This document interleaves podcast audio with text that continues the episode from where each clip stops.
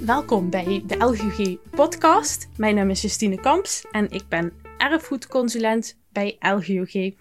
En ik ben eigenlijk bijna iedere dag bezig met, met geschiedenis en de geschiedenis van Limburg. En natuurlijk ook met de geschiedenis van het LGOG. En LGOG is natuurlijk een vereniging. We organiseren activiteiten. Uh, we geven publicaties uit. En er is één ding dat vrij weinig mensen weten. En dat is dat wij ook een hele grote collectie hebben. En in deze speciale afleveringen van de LGG podcast wil ik u graag meenemen door die collecties. En uh, eigenlijk een beetje een beeld geven van wat er nu precies in die collecties zit. En vandaag ga ik in gesprek met Joes Mines. En zullen wij het over het eerste stukje collectie gaan hebben. En dat is het stukje collectie dat nu bij het Bonnefante Museum ligt. En we gaan het eigenlijk uh, vooral hebben over de, ja, de geschiedenis. Hoe is die collectie nu ontstaan? Um, en hoe is die bij het Bonnefante terechtgekomen? Joes, je bent al wat vaker uh, in de podcast ja, uh, geweest. Ja, ja. Wil je je als nog even kort voorstellen ja, voor de mensen zeker. die... Ik ben Joes Mines. Ik ben conservator bijzondere collecties bij Salter Ceramiek. Dus niet bij het Bonnefante Museum. Um, maar ik, uh, ik weet wel wat over het, uh, over het LGOG. Ja. En uh, ik ben ook bibliothecaris van het LGOG. Ja. En daarom ga ik vandaag inderdaad met jou in gesprek, omdat we het vo vandaag vooral willen hebben eigenlijk over de ontstaansgeschiedenis van ja. die collectie. Um, ja, wat, wat, wat kun je daarover vertellen? Hoe is die collectie ontstaan? Waar, waar komen die stukken vandaan die ja, er nu die in zijn, te vinden zijn? Dit is een heel stom antwoord dat ik nu ga geven. Die zijn in de loop der tijd verzameld. Dat is altijd Ja. met collecties. Maar Zo gaat dat. Zo gaat dat. Ja, wie wat bewaart, die heeft wat. Ja, Um, dus ik zal beginnen met, de- met de ontstaansgeschiedenis van Ja. het LGOG. En het LGOG is opgericht in 1863. Mhm. 1864 is de eerste vergadering. Ik heb hier eh, toevallig gevonden een convoluut die nog van eh Jozef Habets is geweest. Komt hier een heel oud eh, boekje tevoorschijn. Je hebt ook Het- wat stukken uit, de Ja, uit die bibliotheekcollectie precies. gehaald. Het eh, reglement voor het oudheidkundig genootschap in het hertogdom Limburg, 1863. En dan eh, eh, wordt dus eh, gezegd, het is eh, een vereniging opgericht, de naam dragende van oudheidkundig genootschap in het hertogdom Limburg. En ehm, ze doen meteen de mededeling dat ze behoorlijk wat geld in kas hebben. Oké, En dat is niet raar. Ehm en dat is wel de oprichting van Mhm. het LGOG, maar die komt voort uit oudere eh, genootschappen. ja. En ehm je kunt zeggen, na de Franse Revolutie, in in sommige plekken ook al daarvoor, in, in Mhm. Luik vinden we zo'n genootschap in 1779 al, ehm, worden overal oudheidkundige genootschappen opgericht. Ja. Ehm, soms heten dat eh, genootschappen voor kunst, soms zijn het genootschappen voor de wetenschappen. En ook in Maastricht wordt dus zo'n eh, eh, genootschap opgericht in 1824 en dat heet de Société des Amis des Sciences, Lettres et Arts. EAR. En ehm daarin hebben gewoon een aantal elitefiguren zich samengepakt. Ehm denk dan aan bijvoorbeeld de burgemeester Henneke, Mhm. die ooit nog een rechtszaak van Willem I heeft gewonnen over wie nou eigenlijk de macht had in de stad. Ehm en ook eh, Charles de, de Broekere, Mhm. De latere eh, burgemeester van Brussel. Ja. naar wie het Place de Brocaire is vernoemd. En ehm die zijn opgericht in 1824. En je hoort het al, dat is voor de Belgische revolutie. En ehm in de jaren 1830, 1839 is heel Limburg, behalve Maastricht, Belgisch. En ehm die elite, die werkt zich in in het Belgische. Dus ook de Brocaire was gouverneur van Limburg. Mhm. Ehm maar is na de opstand naar België vertrokken. De meeste mensen die eh, in de elite zaten in Limburg waren eh, mensen die in de zuidelijk Nederlandse elite zaten. Ja. Ehm in 39 vertrokken die en dan ontstaat eigenlijk een beetje een, een machtsvacuum. Mhm. En zeker in Maastricht, op dat moment de, de enige stad van eh, Limburg, ehm zeg ik met even een slag om de, hand, om de arm, ehm daar is een blokkade van acht jaar. Dus daar komen mensen heel moeilijk in of uit. En dan staat het intellectuele leven in de provincie staat dan stil. En ehm daar wordt eigenlijk pas weer een, een aanzet toegegeven met, het, met de oprichting van het LGOG in 1863. Dus je moet het in het begin ook zien als iets dat veel breder is dan alleen geschiedenis. Dus nu Mhm. richten we ons heel erg op de geschiedenis van de eigen streek.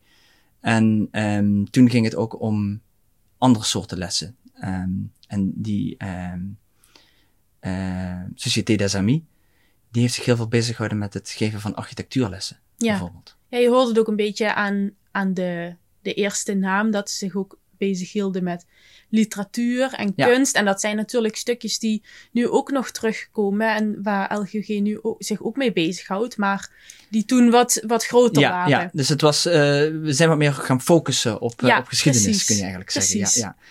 En doordat het allemaal van zo'n elitefiguren waren, eh, hadden ze het geld om spullen te kopen en het, de macht en het aanzien om dingen te behouden. En dat is ook wat ze hebben gedaan. Ehm, dus je moet je voorstellen, je, je, eh, eh, je leeft in een tijd waarin heel veel heel snel verandert. Ja, En waarin mensen eigenlijk geen gevoel hebben dat iets wat oud is, de moeite waard is om, om te bewaren. om te bewaren. Ja. Dus voor, de, voor de eerste leden van het LGOG was dat echt een voornaamste streven. Spullen bewaren. Ehm dus denk aan de vele kerkinterieurs in Limburg. Mhm. Die zijn mede bewaard dankzij het LGOG. Ja. Ehm, kijk naar de hele collectie in het, in het Limburgs Museum. En een heel groot deel van de collectie in het Bonnefanten Museum. En het is allemaal dankzij het LGOG bewaard gebleven. Ja, Dat is echt waar zij mee bezig waren. Het behoud van de spullen. Wat ze daarna ermee deden, dat was een tweede. Het ging hen echt om het bewaren, conserveren van die spullen. precies. Ja. En eh, ja, die, die spullen die werden dus aangekocht. Die, dat werd samen langzamerhand een steeds grotere collectie. Mhm. Wat gebeurde er met die collectie? Want op een gegeven moment hebben ze ervoor gekozen om hem wel tentoon te gaan stellen. Ja, is eigenlijk vanaf het begin is die eh, tentoongesteld geweest. Ik moet even mijn spiekbrief erbij pakken met de data waar het museum overal is ondergebracht. Dus in Ja, dat 1864, zijn er een hoop geweest. Ja, in 1864 ehm, krijgen ze een ruimte in de Augustijnenkerk. Hè, Mhm. de, de, de Augustine, zoals die ook wel heet, of uh, oude Maastrichtenaren kennen nog als de Sint-Jozefskerk. Ehm, die is alleen toegankelijk voor leden. En ehm, echt niet iedereen mag zomaar lid worden. Je, eh, voor de ehm Société des Amis moet je worden aangedragen door minstens drie leden. Oké. Dus er moeten al drie leden in de vereniging zitten die het een goed idee vinden dat jij erbij komt. En anders kom je er niet bij. Dus het is een heel erg Ja. gesloten, elitaire club. Hebben we een beetje een idee hoeveel leden er toen waren? Ja, dan moet je in, eh, eh, moet je in, de, in de publications kijken. Ik heb er hier eentje liggen uit 1921. Nou, eens kijken of, uh, Kijken of of we we daar kunnen iets in komen. zien. Ehm, Waarschijnlijk hier staan heb je een aantal leden. Staan erin, geen... eh, ja. ehm, ik schat het aantal op zo'n 100. Ja, ja, Ja. dat denk ik ook. Veel Schaapkens van Riemst, Hustingse zie je erin. Hoebus. Dus ehm het is niet familie Krets of Krets. Ehm dus een redelijk aantal eh, eh, leden. Ja. Ehm het is de vraag of die ook allemaal naar het museum toekomen. Het museum is Mhm. eigenlijk een soort van depot, moet je Ja, precies. bedenken, Waar ja. de spullen eigenlijk worden opgeslagen. Ja, ja. ja. Ehm, dan in 1869 verhuizen ze naar het Dinghuis. Mhm.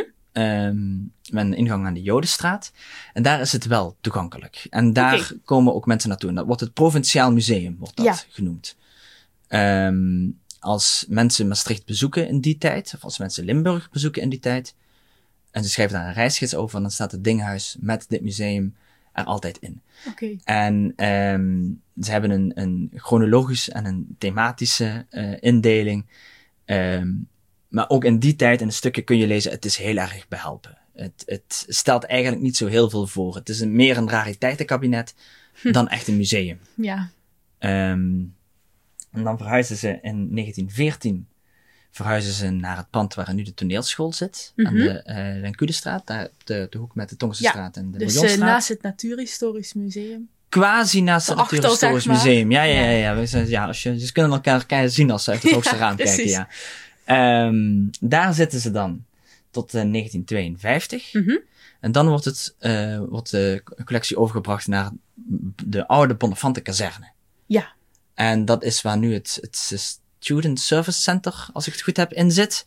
Dus, dus een, Bij de Ezelmarkt. bij de Ezelmarkt, het Ja. oude Bonnefante klooster, waar de, eh, waar de nonnen zaten. Is nog, je kunt de kerk nog herkennen. Ja. Ehm en daar werd dat echt een, een meer een, een museumachtig ja. iets. Eh, dus minder rariteitenkabinet. Ehm, en daar werden dus al die archeologische collecties die het LGOG had bewaard of had behoed voor ehm, eh, verkoop of verval, Ja. werden daar tentoongesteld. Denk dan ook bijvoorbeeld aan de, de vondsten die bij het graven van het ehm, kanaal van Luik naar Maastricht zijn gevonden. Mhm. Of bij het droogleggen van de Maas, of bij de aanleg van het Julianenkanaal. Er komen allerlei archeologische vondsten omhoog. Ja. En ehm eh, die worden dan door het LGOG ja, behoed, bewaard. Eh, die komen daarin, maar ook kunst komt daarin. Dus eh, een van de voorzitters in de 19e eeuw was Alexander Schaapkens. Mhm. Ehm, een befaamd schilder. En eh, vooral namelijk prentenmaker. Eh, Ja. zijn prenten zijn heel bekend. Maar zijn schilderijen, ja, die kwamen dan eigenlijk bij wijze van natuurlijk in die collectie van het LGUG terecht. Want Precies. Er, er was geen andere collectie in Limburg. Ja. Dus was dat alleen was de, het was het historische, enige. kunsthistorische collectie. Ja, dus het enige wat je daarnaast nog had, dat was het, ehm, eh, collectie van het bisdom. Ja, En die is in 1952 ook naar het Bonnefante Museum gekomen. oké. Dus na de oorlog krijg je dat, dat het LGOG dat allemaal een beetje opslorpt. En dan wordt het Bonnefante Museum wordt dan een, een heel groot en heel serieus museum. Zo groot en zo serieus dat het LGOG het niet meer kan bolwerken. Mhm. En dan wordt dus een aparte stichting opgericht, eh, de Stichting Bonnefante Museum. En volgens mij is dat ook de reden waarom die naam van Bonnefante is blijven plakken. Omdat dat gewoon de naam van de stichting is. Ja, precies. Van eigenlijk het gebouw Ja, waar Het Bonnefante Dus het gebouw, ja, eerste aan de Bonnefantestraat. gevestigd ja, was. Ja, Ja. ja.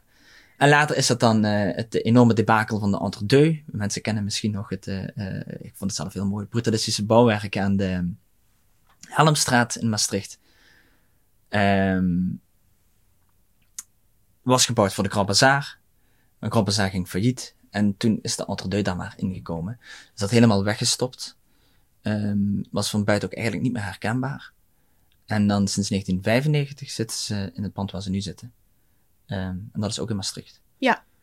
En daar zijn ook een, eh, een aantal stukken uit de collectie op zaal eh, te zien. Ja, voornamelijk van Jan van Steffen Sveert, veel houtsnijwerk. Ja. ja. En al, Precies. alles wat is gegroeid in die collectie, dat is allemaal behoeden van de collectie voor erger.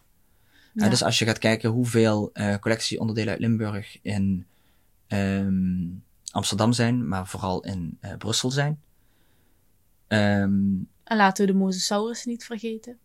Ja, die hebben we, de- toen waren we onderdeel van Frankrijk. Ehm maar eh, voornamelijk de, de Maaslandse kunst in, Ja. in Brussel. Die, Ja. En denk dan niet dat dat, dat- Het is een heel Maastrichts verhaal, maar dat is uit heel Limburg. Mhm. Uit heel Limburg is heel veel naar België gegaan. Ja. Want ook uit heel Limburg werd verzameld. ja. En, en de provincie was tot 39 eh, Belgisch. Ja. Dus het is heel logisch dat mensen de Maaslandse architectuur en de Maaslandse kunst Wilde bij elkaar vastleggen wilden eigenlijk ook. houden. Ja. Ja, ja. En ehm, ja, rond die tijd zag je ook dat Nederland vrij nationalistisch was. Ja. Was dat misschien ook een beetje een tegengeluid om dan een soort eigen identiteit te laten zien? Ja, dat is Of- een hele goede vraag. Dat is een hele goede vraag. Dat is heel moeilijk. Ehm, aan de ene kant denk je inderdaad, het is het tegengeluid van Mhm. de ehm, elite eh, ten opzichte van eh, eh, het Rijk, Den Haag. Ja, het was het verhaal van Henneke, die beweerde dat de tweeherigheid in Maastricht niet was afgeschaft. En dat Nederland daarom geen macht had in Maastricht. En dat, dat hij daarom Mhm. machthebber was in de stad. Ehm, dat toont heel erg die, die militante houding aan. ja, precies. Ehm, maar dat, dat zit er deels in, maar er zit ook een, een, een parallelle beweging in, omdat Limburg eigenlijk niet bestond. Dus tot 1795, 96 is er geen sprake van een, een, een provincie hier waar mensen deel van uitmaken. Dan pas wordt het departement Nedermaas, Mhm. Franse departement, ehm, opgericht. Hè, dus dan zijn wij onderdeel van Frankrijk. En dan pas ehm, loopt er geen grens meer tussen twee dorpen. Dan pas is Gronsveld geen rijksheerlijkheid meer. Ja, dus dan pas wordt het Limburg Dan als pas één. wordt het eigenlijk Limburg Ja. als één. Dus ik denk dat je het ook wel ehm, moet beschouwen als een soort van regionalisme, parallel aan het nationalisme. Ja. Ehm, om van de regio één te maken. Precies. Ehm, waar we nu nog steeds moeite mee hebben. Hè? Dus de Mhm. Noord-Limburgers, Zuid-Limburgers, Midden-Limburgers, ze hebben allemaal een eigen identiteit. En ehm, Nou ja, dat is wel het mooie van de collectie, dat er natuurlijk dan uit heel Limburg... zeker, zeker, dat is heel mooi. Dat is heel Ja. mooi, dat is heel mooi. Maar het, het, eh, dit is dus de vraag, ik denk dat, dat ze ook hebben gewild dat die provincie Limburg meer één werd. Dat de mensen zich Ja. meer Limburger gingen voelen. Precies. En minder eh Venloenaar of Sint-Odilium-Bergenaar of... eh, Hm. ehm, Dat ze zich ook samen als één. Maar dat ze zich ook samen zien. zagen als wij zijn Limburger. Precies. En dat valt natuurlijk ook weer heel erg samen met... Een, een van de voorzitters was Pierre Kuipers. eh, katholieke emancipatie. Ja. Eh, dat, dat, daar, daar zit het LGOG helemaal in als, als denk-denk bijna. Je hebt eh, nog wat eh, stukken meegenomen. Ja, ik heb één heel leuk stukje van Habets. Habet is ook een van onze, Habets. onze oprichters, Een van de oprichters. archeoloog. Dat je vroeg, wat zit er nou zo al in die, in die collectie dan? Ja, Nou, een pois byzantin. Ehm, je kunt bij ons eh, eh, alle publicaties inzien. We hebben ze meermaals. Dus zelfs als, eh, als er vijf leden komen die alle vijf hetzelfde artikel willen lezen, dan, dan kunnen we ze bedienen. Ehm, maar dat is heel leuk om te zien hoe hij een eh point byzantin beschrijft. Nou Joos, hartelijk dank dat je ons wat meer hebt verteld over de ontstaansgeschiedenis eh, Heel graag van gedaan. LGG in een notendop. ja, Maar eh, we hebben nu een beetje een idee van eh, hoe de collecties eh, bij het LGG terecht zijn gekomen. en dus ik, dit is de start. En ik vertel je graag ook nog een keertje wat over eh, onze bibliotheek. Nou, dan gaan we dat zeker doen. Mooi. Bedankt voor het luisteren naar eh, deze aflevering van de LGG podcast. En eh, luister ook vooral naar de volgende aflevering. Die zal gaan over de collecties die opgeslagen liggen bij Centre Ceramiek.